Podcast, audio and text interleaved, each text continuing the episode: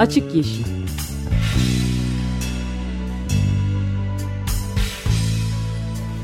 Hayatın, politikanın ve sokağın çevre ekoloji gündemi.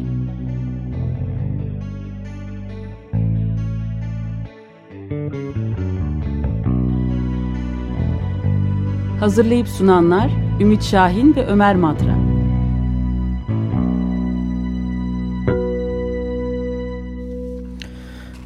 ...94.9 Açık Radyo'da Açık Yeşil başlıyor. Benim Ümit Şahin. Ben de Ömer Madra. Ve destekçimiz Sabite Müftügil Cesur'a teşekkür ediyoruz bir kez daha. Evet, geçen hafta e, programda bir konuğumuz vardı. E, eski Eşitlik ve Demokrasi Partisi'nin e, Genel Başkanı Ferdan Ergut'la konuşmuştuk. Çünkü Yeşiller Partisi ve Eşitlik ve Demokrasi Partisi'nin birleşmesi çalışmalarında son haftaydı. Biz de bu yeni siyaset e, adı altında yürüyen çalışmalar hakkında e, Ferdan Ergut'la konuşmuştuk ve e, geçen hafta sonu da e, geçen hafta bahsettiğimiz bu birleşme ve yeni parti kuruluşu gerçekleşti. E, ben de açıkçası geçen hafta boyunca hatta düne kadar Ankara'da koşturmaya devam ettiğim için e, ilk bununla açmak istedim. E, nihayet hani bunun haberini açık yeşilde de vermiş olalım. Yeşiller ve Sol Gelecek adı altında yeni bir parti kuruldu. E, ve e, eş sözcüleri avukat Arif Ali Cangı İzmirli. E, bu programda evet, sık sık Açık Yeşil'e de konuğumuz da olmuştu. Oldu. Dinleyicilerimiz tanır. Çevre e, hareketinin en önemli avukatlarından biridir. Arif Ali Cangı ve e, Yeşiller Partisi eski eş sözcülerinden, eski eş sözcüsü daha, daha doğrusu kapanmadan önceki Sevil Turan e, eş sözcüler oldular. E, bu haberleri basında da herhalde e, takip edilebilmiştir. Özellikle Sevil Turan'ın örneğin kongre konuşması Yeşil Gazete'de şu anda yayında e, çok bence eğlenceli, şenlikli, e, renkli bir kongreydi. Özellikle Sevil'in bu dans ede ede geliyoruz şeyi e, sözü çok konuşuldu. E, gerçekten genç ve e, yeni bir ses gibi görünüyor. Ben tabii şimdi e, bu kadar içeriden bir şey söylemeyeyim ama e, bunu takip etmek ve inşallah e, çok daha fazla ses çıkarttığını hareketin, yeşil ve sol bir hareketin göreceğimizi umuyorum. E, belki önümüzdeki haftalarda e, konukta edip arkadaşlarımızı e, neler yapacaklarını kendilerine sorarız. Evet bu genç meselesi de özellikle önem taşıyor. Çünkü zaten e, gezegenin geleceği de tamamen artık bugün yaşayan kuşağın ve onların çocuklarının sorunu olarak karşımızda birinci derecede yani onlar e, yaşadıkları süre içinde bunu ya e, değiştirecekler bu kaderi ya da e, çok tatsız bir içine doğduğumuz dünyadan çok farklı tatsız bir dünyada yaşama ihtimali de giderek evet. kuvvetleniyor yani. Evet eş sözcülerden biri işte Sevil Turan 28 yaşında. Ee, diğer eş sözcü de işte benim yaşlarımda bir arkadaşımız. Dolayısıyla ben de kendimi genç kabul ettiğim için genç eş sözcüler diyebiliriz. Peki bu konuya daha sonra e, döneriz ama şu anda dünyanın geleceğini, kaderini belirleyemeyen, e, belirlemekten aciz bir e, zirve herhalde Doha'da ironik bir yerde sürüyor. Ben bunu hiç takip edemedim o yüzden sözü evet. sana bırakıyorum. Biz de açık e, açık gazetede özellikle Gökşen Şahin'le de sıkı bir işbirliği yaparak hem programcımız hem de e, temadan e, temanın iklim koordinatörü e, Gökşen Şahin'le gündelik olarak 8.30'da başlayıp her gün 15 dakika kadar konuşuyoruz Doha'daki gelişmeleri. Yani çok tabii e, Doha'daki iklim e, görüşmeleri konusunda şey, rivayet muhtelif. Yani e, son şans olduğu ve dönüştürmek için kalacak 5 e, yıla bile tahammül e, olmadığı verilen taahhütlerin derhal yerine getirilmesi aksi takdirde önü alınamayacak bir 2 derecelik sıcaklık artışının gerçekleşeceği bundan sonrasının da gerek deniz seviyelerinin yükselmesi gerekse e, kuraklıklar, büyük açlıklar, büyük iklim mültecileri e, faciaları ve bunun yol açacağı savaşlar filan dolayısıyla çok kritik bir noktada. Peki Doğa. verilen bir taahhüt mü var ki bunların gerçekleştirecekler? Yani zaten sıkıntı orada herhalde. Ya iki derecede tutacağız onun için de kısıntıya gideceğiz diye işte bütün hükümetlerin üzerinde anlaşma yaptı. imzalarının bulunduğu hükümet temsilcilerinin liderliği. Bu şeye benziyor şey sanki. Hani ben e, kilo vermeyi düşünüyorum. Önümüzdeki e, bir yıl içerisinde en az beş kilo vereceğim. Ama bunun için hiçbir şey yapmıyorum. Ama bunu taahhüt ettim. Hiçbir ne spor yapıyorum ne diyet yapıyorum. Bütün hayatımı aynen devam ettiriyorum ama 5 e, kilo vereceğim demek gibi bir şey değil Evet biraz öyle tabii ve daha yepyeni bir haber vardı mesela. Doha'da e, bir e, şey değişikliğinden Amerika Birleşik Devletleri'nde işte yeni başkan seçimlerinden sonra elinin daha rahatlamış olabileceği düşünülüyordu Obama'nın Barack Obama'nın o yüzden de bir rahatlama bekleniyordu ama e, e, Pershing yanılmıyorsam temsilcisi, baş temsilcisi e, fazla da bir değişiklik yapmayacağız. Yüzde 17'lik bir kısıtlama ile e, yetineceğiz gibi de geriye dönüşün ilk işaretlerini muhafazakar bir tavrın ilk işaretlerini de verdi. Bir başka tatsız haberde e, zengin ülkelerin iklim değişikliğinde e, yoksul ve asıl e, suçları olmadığı halde diyeyim tırnak içinde. Yani fazla, hiçbir katkıları neredeyse olmadığı halde en büyük yükünü çeken iklim değişikliğinin bu yoksul ülkelere yapılacak yardım taahhütlerinin de yerine getirilmediğine dair de yeni bir rapor çıktı mesela. Ee, İngiltere'de, e, Britanya'da yapılmış bir e, araştırma bu. Ve e, diyor ki şeyde Avrupa Birliği bir tek olumlu şey Avrupa Birliği'nden geldi. Biz tutacağız, tutmaya çalışacağız e, dediler şeyleri. Uluslararası e, taahhüdümüzü yüzde otuzluk bir e, enerji indirimi yani daha doğrusu fosil yakıt kullanımında yüzde otuzluk bir kısıntıya sera gazlarına filan geçeceğiz. Ama bunu yapmak için de bütün dünyadaki partnerlerimizle özellikle de belli başlı ekonomilerden Amerika Birleşik Devletleri'nden de e, bu konuda anlaşmaya varmamız lazım diye topu biraz da gene tacı atma eğilimi göstermiş. Çünkü Amerika Birleşik Devletleri de açıkça söylüyor gene daha e, önceki hedeflerden daha fazlasını tahammül etmek gibi bir niyetimiz yok dedi. Ama Türkiye herhalde müthiş taahhütlerde bulundu değil mi? E, Türkiye şimdi bugün e, aslında Türkiye'yi konuşmanın da tam zamanı. Türkiye hiç konuşulmuyor ve özellikle siyasi karar verici Adalet ve Kalkınma Partisi yetkilileri, bütün bakanlar e, da e, bu konuda konuşmamayı kim, tercih ediyor. Kim gidiyor acaba bu sene belli mi? Sormadık Artık vallahi. yani tam bir çevre bakanı da kalmadığı için eskiden hiç olmazsa evet. çevre bakanı da. Şimdi aslında Şehircilik Bakanı var. E, Orman ve Çevre Su Bakanı ve var. Şehircilik diye zaten. Ama yani onun çevre Oksimoron. kısmı. Evet, çevre İkisi kısmı bir arada olamaz pek yani. yok gibi artık. Dolayısıyla aslında kim gidecek? Belki Kalkınma Bakanı gidebilir.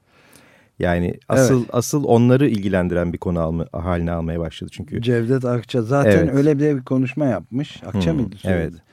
Evet. Ee, demiş ki yani biz e, bu Doha'da işte e, ortaya konulan hedefleri e, yerine getireceğiz ve bugüne kadar olduğu gibi daha da fazla gayretle yapacağız diye hı hı. hiçbir karşılığı olmayan, mütekabiliyeti olmayan bir açıklamada bulunmuş. Ama yani Türkiye burada hep bunu çeşitli programlarda da konuştuğumuz gibi ikili bir tavır. İçeriye başka, dışarıya başka türlü konuşuyor.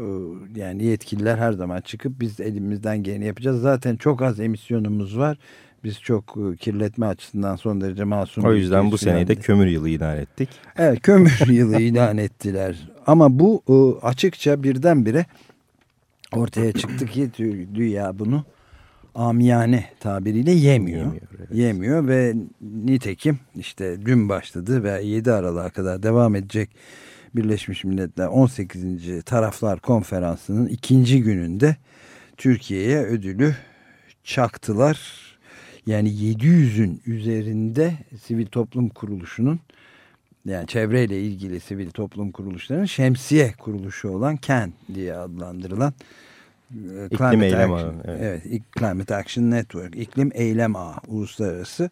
Onu ta 1999'dan bu yana her yıl düzenli olarak veriyorlar.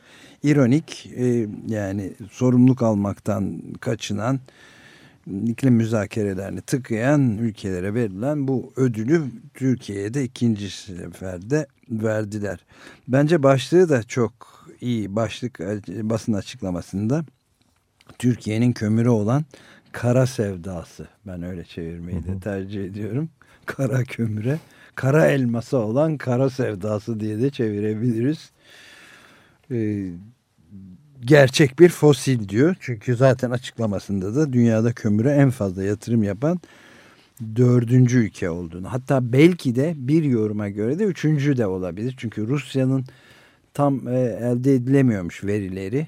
Son Avrupa e, Birliği'nin kömürle ilgili verileri. Şey, Dünya Bankası'nın galiba yaptığı araştırmada Rusya ile çok yakın yatırımları e, ama Rusya'nınkiler tam e, açığa çıkmadığı için belki de üçüncü ya da en en kötü ihtimalle dördüncü Türkiye.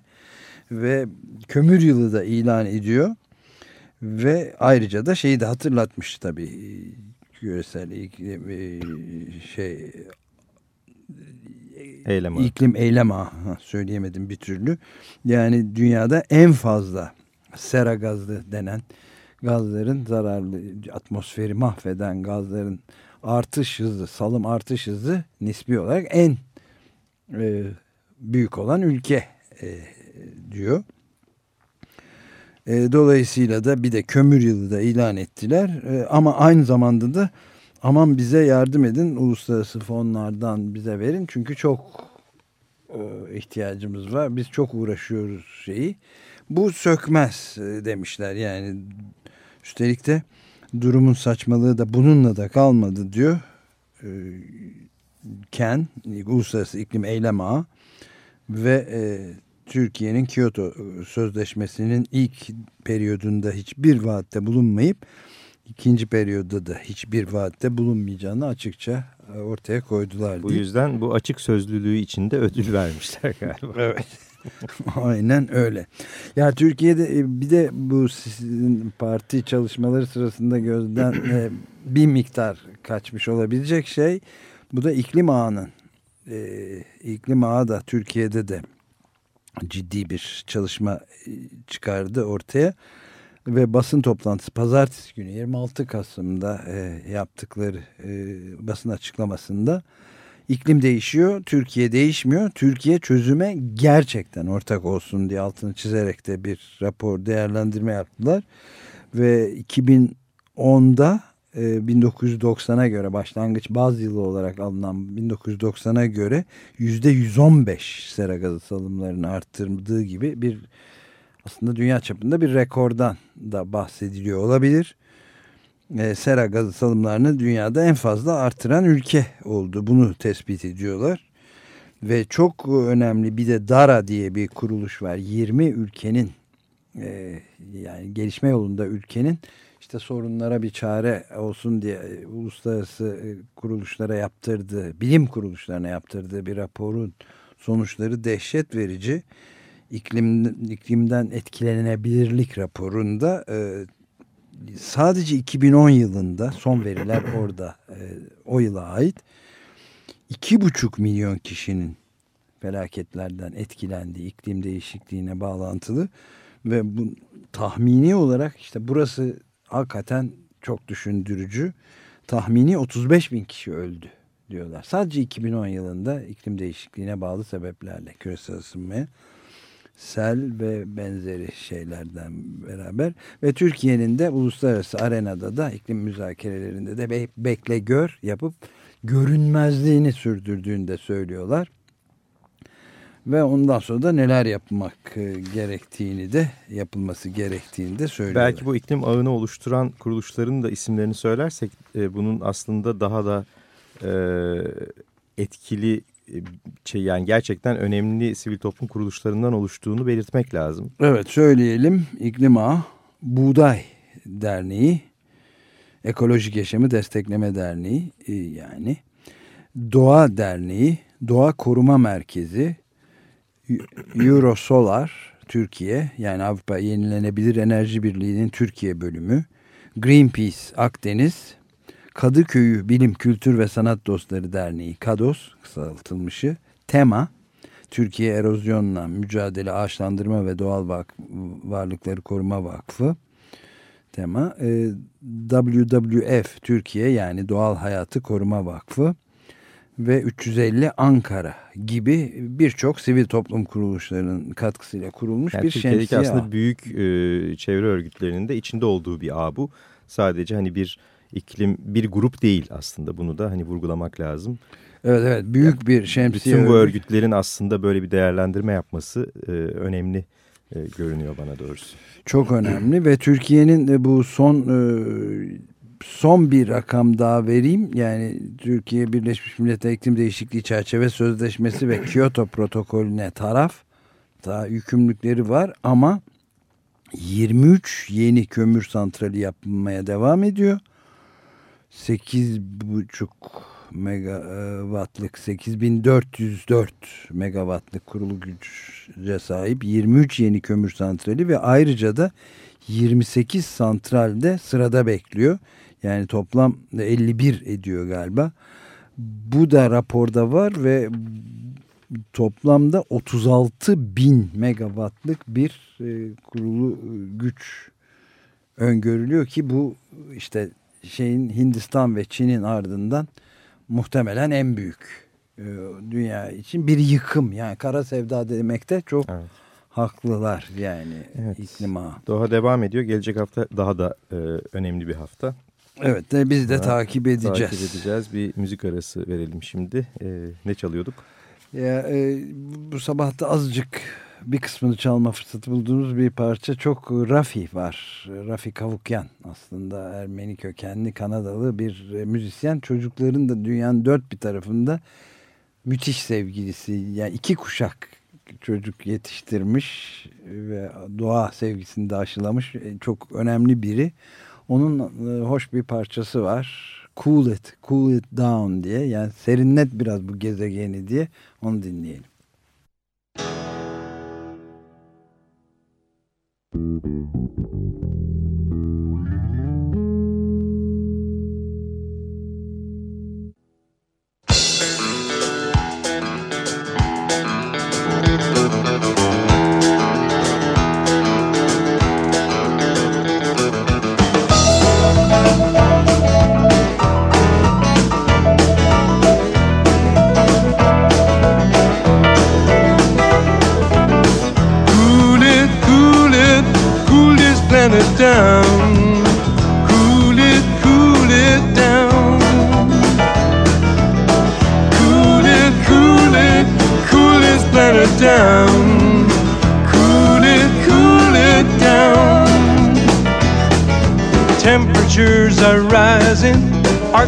Ice is melting, polar bears are scrambling, the heat is all around. We've got to cool it down, cool it, cool it down. Appealing to the masses to cut our greenhouse gases down. Wacky weather here stormy weather there. Climate change is on us, the signs are everywhere. We've got to cool it down, cool it, cool it down. Take shelter from the storm, come together, cool it down.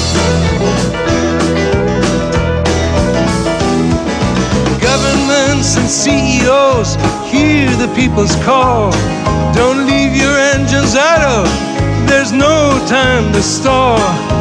All around the world, in the country and the towns, there's a growing global chorus, and it's ringing in the halls. Cool it, cool it, cool this planet down.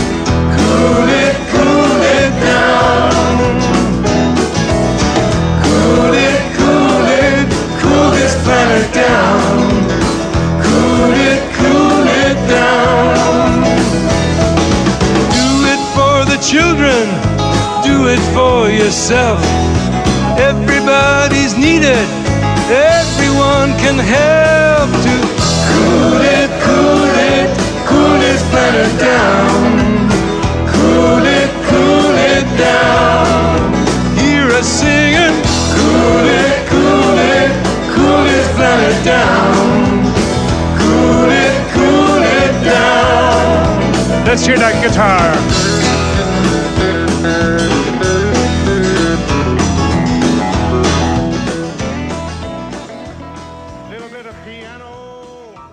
Rafi'den dinlediğimiz Cool It Down adlı parçayla devam ettik. Evet programın ikinci bölümünde Açık Yeşil'de e, bir anmamız var. Bir birkaç dakikalık süre içerisinde e, birkaç haftadır aslında e, gündemimizi alıp yoğunluktan bir türlü yapamadığımız biraz gecikmiş bir anma yapalım. E, Dünya Yeşil Hareketi'nin en ünlü ismi herhalde bilinen e, Petra Kelly'nin e, Alman Yeşiller Partisi'nin kurucularından Petra Kelly'nin ölümünün 20. yılıydı Ekim ayı. 1992 yılının 1 Ekim günü bir cinayete kurban gitmişti Petra Kelly.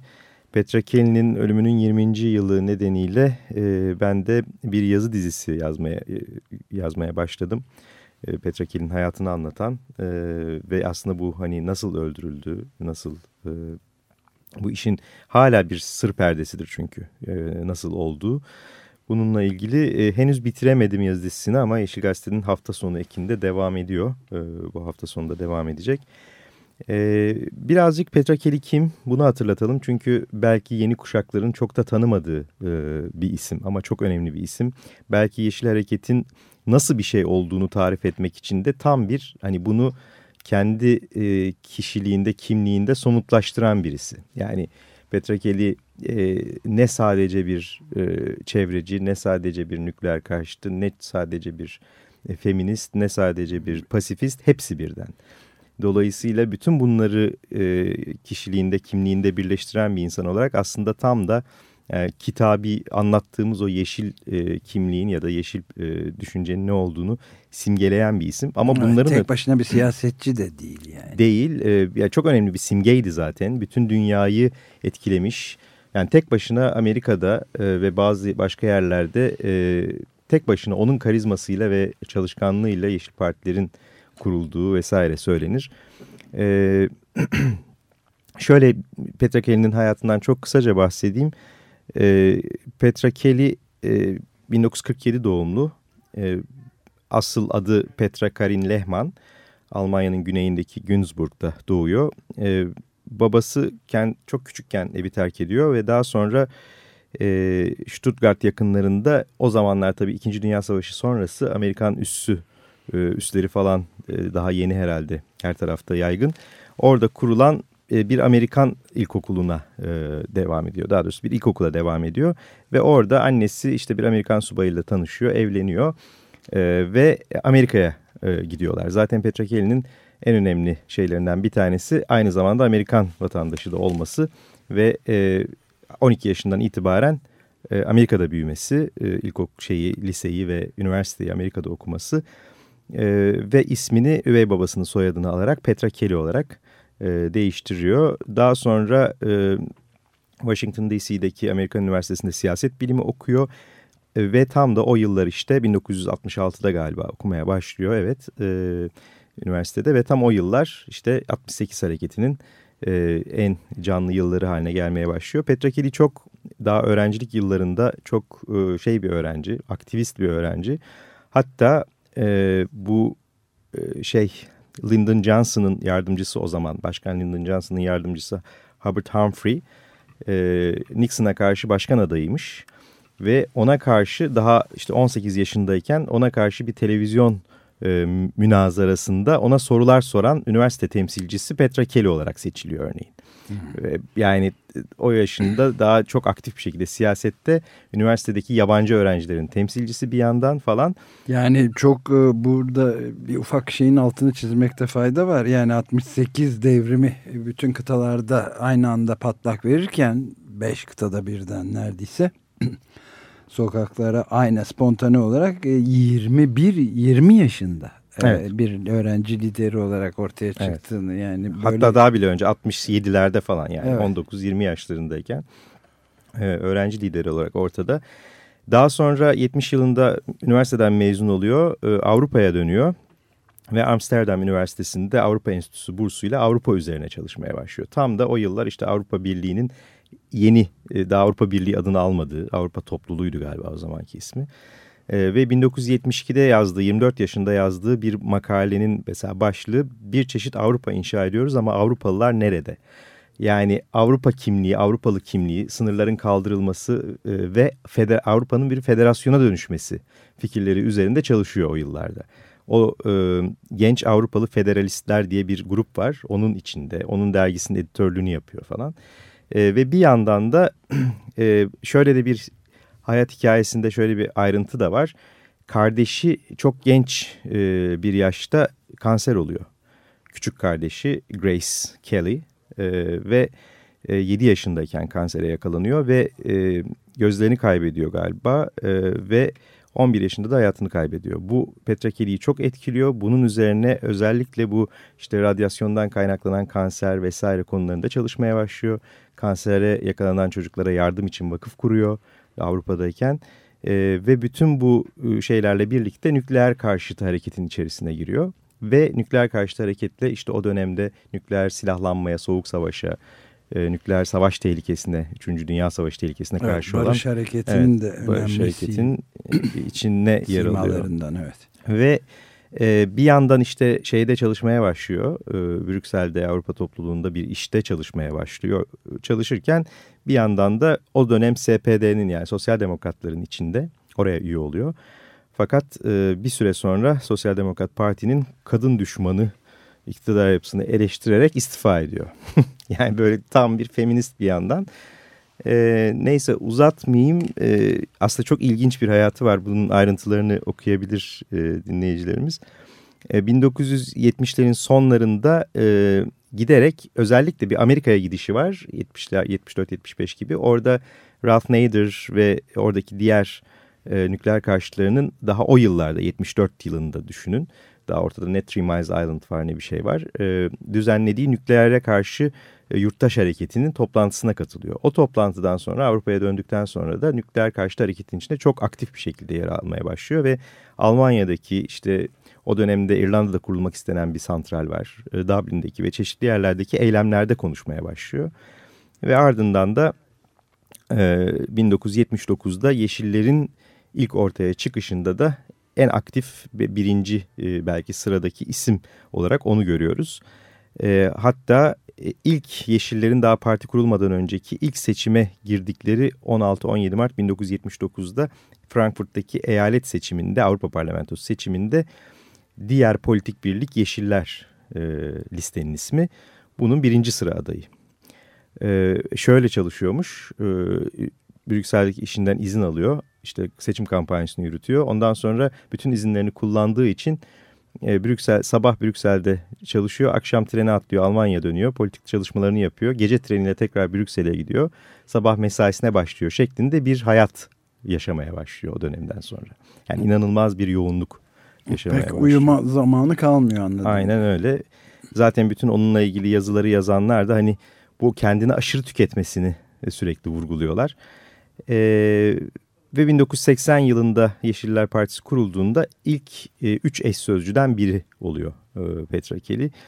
Ve e, o, eş sözcü olduktan sonra da e, Brüksel'deki işini bırakıyor ve parti için çalışmaya başlıyor. 82'de de e, ilk kez e, parlamentoya aday olduğunda yani federal parlamento adayı olduğunda o zaman tabii rotasyon kuralı gibi işte bir kişinin hem eş sözcülük hem e, milletvekilliği yapamaması gibi o Yeşillerin ilk döneminin şimdi Alman Yeşilleri bıraktı o kuralları ama e, gibi böyle bayağı bir iktidar dağıtıcı kurallar var o dönemde. Onlara uyarak işte eş sözcülükten ayrılıyor falan e, ve gerçekten bir sok hem sokağın hem meclisin partisi haline getirmeyi başarıyorlar.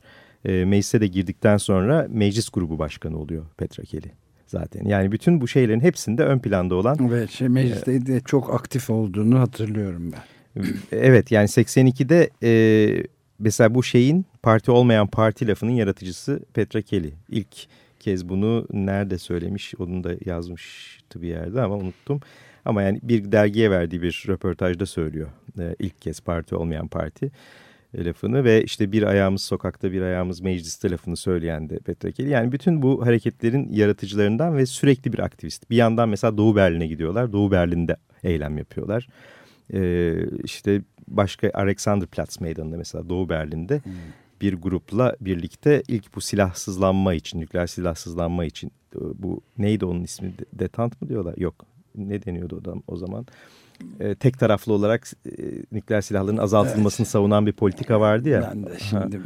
bilmem ne gerekiyor ama unuttum. Onu savunan işte eylemler falan yapıyorlar. E, o zamanlar mesela yanında e, bir Amerikan üstünde bir eylem yapıyorlar 83'te. Yanındaki iki isim Heinrich Böll, Oscar Lafontaine. Evet. Ve Erhard Epler dört kişilermiş. Yani böyle bir şey. Ben tabii aynı yazı dizisindeki gibi bitiremedim yine. Program bitti. Petreke'nin hayatı bitmedi. Buna devam ederiz. Ee, oldukça çalkantılı bir dönem. Yani aslında bütün bu politik hayatı 10 küsur yıl devam ediyor sadece.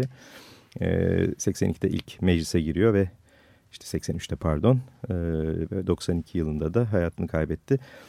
E, bu Petreke'nin ölümü de çok e, zamanında konuşulmuş bir hikayeydi. Bir intihar olduğu düşünülüyordu ancak daha sonra bunun bir cinayet olduğu e, ortaya, ortaya çıktı. çıktı evet. e, bunun detaylarını da belki haftaya vakit bulursak konuşuruz. Muhakkak söyleyelim evet. Çok önemli bir şahsiyet. Evet Petrekeli'yi de e, 20. ölüm yıl dönümünde almış olduk. Gelecek hafta görüşürüz. Hoşçakalın. Hoşçakalın.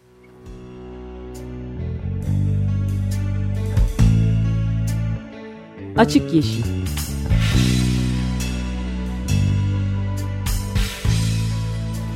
Hayatın, politikanın ve sokağın çevre ekoloji gündemi.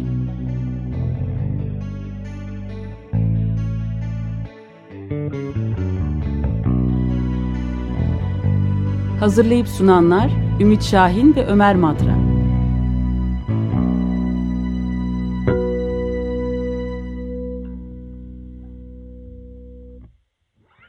Açık Radyo program destekçisi olun. Bir veya daha fazla programa destek olmak için 212 alan koduyla 343 41 41